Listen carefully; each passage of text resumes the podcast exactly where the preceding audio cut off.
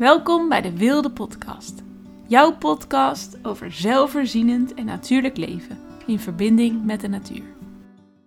Vandaag in deze podcast ga ik jullie vragen beantwoorden over wildplukken. Het leek me wel iets leuks dat ik uh, af en toe aan jullie vraag: hey, hebben jullie nog wildpluk vragen voor mij? Dat vraag ik via Instagram. En dan ga ik deze beantwoorden. En sommige weet ik eigenlijk helemaal niet het antwoord daarop. Dus dan uh, ga ik het zelf uitzoeken en dan leer ik ook nog erbij. Dat vind ik zelf heel erg leuk. Dus vandaar, vandaag de vragen. Ehm, er zijn meerdere vragen binnengekomen. En ik begin met de eerste, of ik zal ze even trouwens even opnoemen. Ehm, de vraag is: zijn de meidoornbessen giftig? En kun je, dan, kun je dan thee maken met die besjes erin? Is dat geen probleem? Um, wat kun je doen met de klitwortel? En wat zijn de risico's van honden- en kattenplas? Dus dat zijn jullie vragen. Er waren wel net iets meer, maar ik vond deze wel heel erg leuk om te beantwoorden. Allereerst, het is herfst. En dat vind ik echt wel weer een magisch seizoen om te wild plukken. Er is zoveel om ons heen wat nu eetbaar is. Delen van het jaar, dan zijn het bijvoorbeeld meer planten of bloemen. En nu is het ook echt, het heeft meer body. Dus het zijn noten, het zijn vruchten, het zijn wortel, wortels, dus het zijn allemaal dingen die ja, gewoon veel meer body hebben. Meer calorieën. Ehm, ja, ik word er altijd wel heel enthousiast van. Zelf ben ik nu vooral een beetje aan het onderzoeken wat ik wil oogsten. We hebben een tamme kastanjeboom op het erf. Die wil ik natuurlijk ook gaan eten. Uh, oogsten brandnetelzaden. Dat blijf ik gewoon doen. Dat doe ik al twee maanden volgens mij. Ik eet eigenlijk nu ook best wel veel wilde planten. Omdat in de herfst de wilde planten weer een nieuwe uh, cyclus hebben. Dus dan gaan ze opnieuw groeien. En daardoor heb je weer allemaal frisse groene blaadjes. Ik oogst nu bijvoorbeeld vogelmuur. Ik zag vandaag kleefkruid en look zonder look weer groeien. Brandnetels zie ik weer opnieuw groeien. Uh, ja, eigenlijk alle planten die je in de lente zo lekker kan oogsten. Nou ja, natuurlijk niet daslook bijvoorbeeld. Maar alle andere dingen die uh, groeien nu ook weer. Dus dat is weer een fijne tijd om te oogsten. Dus zo is er in de herfst echt super veel wat je allemaal kan verzamelen. We hebben ook een herfstkruidencursus met de Wilde School. Dat is een online cursus en dan uh, krijg je elke week te zien wat je kunt oogsten. En de andere week gaat uh, veganistisch kok Linda er hele lekkere recepten mee maken. Die je dan zelf ook thuis kan maken. Dus vind je de herfst echt een fijn seizoen, dan raad ik je die cursus zeker aan.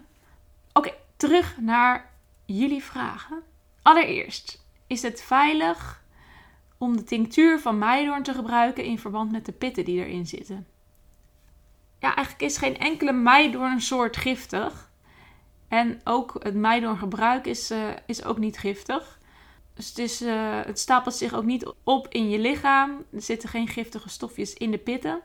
Dus het is zeker gewoon veilig om de tinctuur te gebruiken van de meidoorn. Hij werkt alleen als je het langdurig gebruikt. Het is een, echt een um, hartmedicijn. Hij werkt echt ontzettend goed voor je hart om het te kalmeren. Um, ook op fysiek en ook op emotioneel niveau. En hij, uh, je kunt hem gebruiken ter ondersteuning bij hartfalen, bij pijn op de borst, hartritmestoornissen, slapeloosheid, bloedstolsels, hepatitis, een hoog cholesterolgehalte, uh, bloeddruk, als je daar problemen mee hebt. Dus je kunt hem echt bij hart- en bloedvataandoeningen echt heel goed gebruiken. En dat is wel heel bijzonder, want het is zo'n heel mooi eh, rood besje. Het is trouwens niet de allerlekkerste. Sommige mensen maken er bijvoorbeeld meidoorn ketchup van of meidoorn uh, puree. Ik vind het een beetje melig. Ik zou hem gewoon echt als medicijn gebruiken. Ik heb een, twee jaar een opleiding gedaan bij Saskia Nieboer in Groningen de Groene Zon. Dat is echt trouwens, als je een kruidencursus zoekt en je komt er uit de buurt, die is echt super, super leuk. Heel praktisch ook. Je gaat heel veel maken, maar ook wild plukken. En Saskia zei altijd: uh, is echt een medicijn en geen, niet per se voeding. Dus ik zou er niet hele grote dingen mee maken. Gewoon, uh, ja, je kunt er natuurlijk wel een keer een pureetje of zo mee maken. Maar daar zijn andere besjes zijn er lekkerder voor. Um, als je meidoorn inzet bij hart- en bloedvataandoeningen, moet je dit langere tijd gebruiken. Ehm, pas na 1 à 2 weken krijg je een beetje resultaat. En je moet minimum uh, 6 weken ja, eigenlijk wel de tijd nemen om echt verschil te zien. En hoe je het nou maakt, je kunt bijvoorbeeld twee kopjes kokend water over twee theelepels gedroogde meidoornbessen gieten en dit 10 minuten laten staan of langer. En dan uh, dit over de dag drinken. Je kunt er ook meidoorn wijn van maken, al ben ik niet per se heel erg voorstander van alcohol. Het is wel leuk om te doen. Ik heb het met witte wijn gedaan en dan de besjes een beetje geplet. En dat dan even, ik weet niet, meer precies hoe lang ik het heb laten trekken, maar toen werd het echt een soort rosé. En dan kun je dat gewoon af en toe uh, een klein borrelglaasje van drinken. Je kunt er uiteraard ook tinctuur van maken. Als je niet weet wat een tinctuur is, dat is echt makkelijker dan een appeltaart bakken. Je koopt jonge jenever, wodka, liefst biologisch.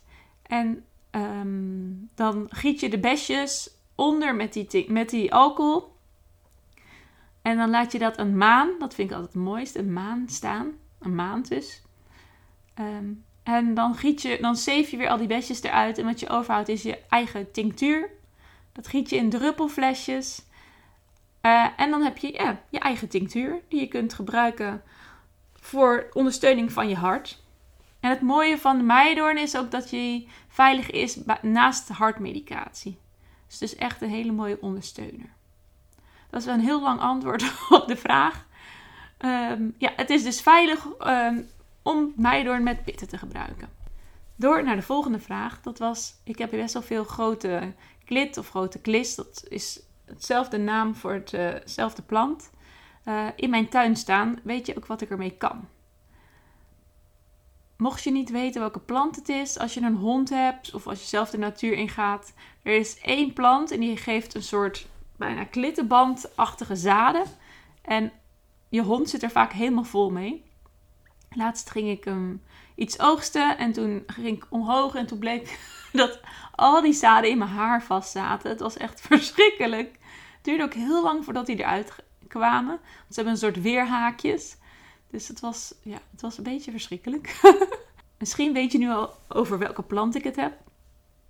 Um, hij, heeft, hij groeit in het eerste jaar, hij is meerjarig. En de wortel van de in het eerste jaar, als hij begint te groeien, kun je dan de wortel oogsten. Als je hem het tweede jaar oogst, wanneer hij dus die zaden en zo krijgt, dan is hij heel vezelig. In het eerste jaar heeft hij dat nog niet. En dan moet je eerst gewoon even gaan, goed gaan ontdekken hoe die bladeren eruit zien. Vaak als je een uh, klitplant ergens ziet staan, dan zie je ook wel de rosetten, dus de bladeren op de grond ernaast. En dat zijn dan de eenjarigen de ja, plant in het eerste jaar. En die kun je uitgraven. Ik heb het vandaag gedaan. Ehm, ik vond het best moeilijk. Ik heb ergens zo'n paardenbloemwortelsteker. Dat is eigenlijk een schep die super lang is. Waardoor je heel goed de wortel ermee kan uitsteken. Die had ik eigenlijk even mee moeten nemen. Maar ik weet niet waar die is. Um, want ik heb het nu gewoon met een schepje gedaan. En ja, ik vond dat eigenlijk niet heel fijn werken, want ik had hem steeds in delen. Dus dan had ik een klein stukje en dan moest ik weer verder graven. Dan moest ik heel goed zoeken waar hij was. En uiteindelijk heb ik niet heel grote opbrengst. Maar ik gebruik hem echt als medicijn. Je kunt hem namelijk ook heel goed als voedingsmiddel gebruiken. Hij heeft een beetje de smaak van aardpeer, aardappel. Er zit best wel veel zetmeel in. Vroeger werd het dus ook zo gebruikt. het was echt een voedingsmiddel. Maar ik gebruik hem vooral medicinaal. Want je kunt er super goed je lever mee herstellen. Want hij kan uh, de meest compacte kern van je lever ontgiften en de toxische hormonen verwijderen die daarin zitten. Bijvoorbeeld van metalen, van plastic, herbiciden, fungiciden. En daardoor krijgt de lever uiteindelijk de kans weer om adem te halen. Er zitten ook veel sporenelementen in van het hele spectrum. Maar ook sporen van vitamine B, A, C en K. En hij kan ook je lymfesysteem goed reinigen, je bloed reinigen, de witte bloedcellen versterken en ook de lymf, lymfknopen sterk houden, zodat ze pathogenen en kankercellen kunnen doden. Dat is dus wel heel gaaf aan de grote klit of de grote klis.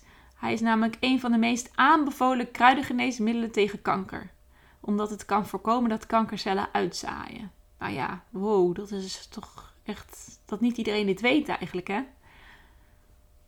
Hij heeft ook ontstekingsremmende en antimicrobiële eigenschappen. En zo gaat de lijst eigenlijk echt nog heel lang door. Hij is echt gaaf. hij kan vooral dus heel goed gifstoffen ook uit het lichaam neutraliseren en veilig verwijderen. Je kunt hem gewoon gebruiken als hoe je wortel gebruikt. In een sapje, bijvoorbeeld met appel of bladgroenten. Je kunt hem stomen, toevoegen aan soep, aan stoofschotels. En hij kan, gaat goed samen met aardappelen, champignons en uien.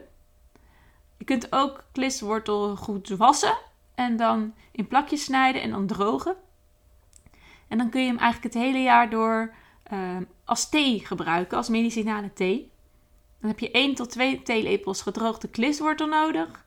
En daar giet je een kopje kokend water overheen. En dan laat je het minstens 10 minuten trekken. En dat uh, drink je dan op. Wat ook leuk is, als je massage hebt gehad, is het goed om heel veel te drinken.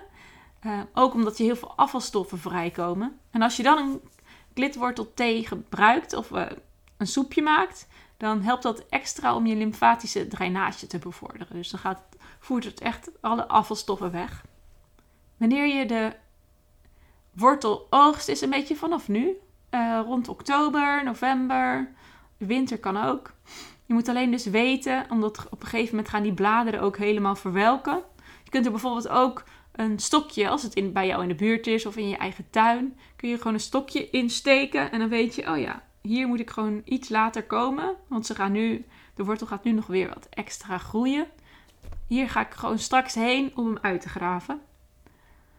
En dan heb je gewoon echt een, ja, echt weer een toppertje. ik vind dat zo gaaf. Het groeit overal om je heen en het is gewoon magisch. Als laatste vraag hebben we de honden-katten-urinevraag. Vaak zijn mensen wel een beetje bang voor ja, het plasje wat de hond of kat over de planten doet. Dat snap ik ook. Maar het gaat eigenlijk vooral om de hondenpoep. En ik weet eigenlijk niet of dat in de kattenpoep zo is. Ik weet het in ieder geval van de hondenpoep. Daar, zit, uh, daar zouden eventueel de eieren van Toxoca. Ik moet het even voorlezen, want ik vind het een moeilijk woord. De Toxocara canis. Dat is een parasitaire worm. En die is helemaal prima voor in, in de hond. Daar is het gewoon onschadelijk. Maar hij kan wel een gevaar vormen voor de mens. Want hij kan zich verspreiden door in de grond te leven. Zelfs als de ontlasting al is verdwenen. Als het gaat om een klein aantal larven, zullen de meeste mensen geen klachten hebben.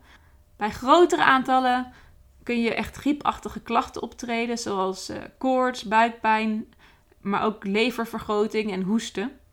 En dat is gewoon, het kan, dan is, wordt het echt wel een beetje schadelijk voor je lichaam. Door het goed wassen van je eetbare wilde planten wordt de kans op infectie via grond tegengegaan. Want het kan natuurlijk ook gewoon in je moestuin voorkomen. En zelfs, ja, ik weet niet hoeveel honden er bij uh, een hele grote tuinderij rondzwerven. Maar het, ja, het kan dus overal zijn. Je kunt bijvoorbeeld de planten wassen met een druppeltje azijn. Dat is ook handig als je niet biologisch eet en um, ja, die pesticiden en alles wat er gebruikt wordt een beetje wil verwijderen. Dat kan natuurlijk helemaal, dat zit vaak helemaal in die groente. Maar dan heb je een druppeltje azijn en mee kun je het wassen. En vind je het nog steeds dan spannend met je eetbare wilde planten, dan kun je het ook koken in plaats van rauw gebruiken. De vraag van iemand was of tamme kastanjes, die wou tamme kastanjes rapen. En uh, ja, die was dus bang voor die urine. Maar ja, tamme kastanjes zitten dus gewoon al in een bolster. En daar zitten ze nog weer in de schil. Dus dat kan sowieso helemaal geen kwaad. Ik zou sowieso niet gaan wildplukken bij een hondenuitlaatplek. Dat lijkt me, ja, als daar super veel honden lopen, dat lijkt me sowieso niet zo fijn. Je kunt wel anderhalve meter van het pad gaan. En daar, ja, daar zijn ook vaak veel minder honden die daar um, plassen of poepen. Mensen zijn ook vaak bang voor de vossenlintworm. Maar een paar jaar geleden heb ik er onderzoek naar gedaan. En toen kwam ik erachter dat deze alleen voorkomt in Oost-Groningen en in Limburg. Ik weet niet hoe het nu zit. Maar ja, die komt dus eigenlijk in de meeste provincies helemaal niet voor. Er was ook nog een vraag over welke sierplanten en struiken je kunt eten die in je eigen tuin groeien. Dat lijkt me leuk om in een andere aflevering te behandelen. Want we hebben al best veel ehm, leuke informatie, denk ik, in deze podcast.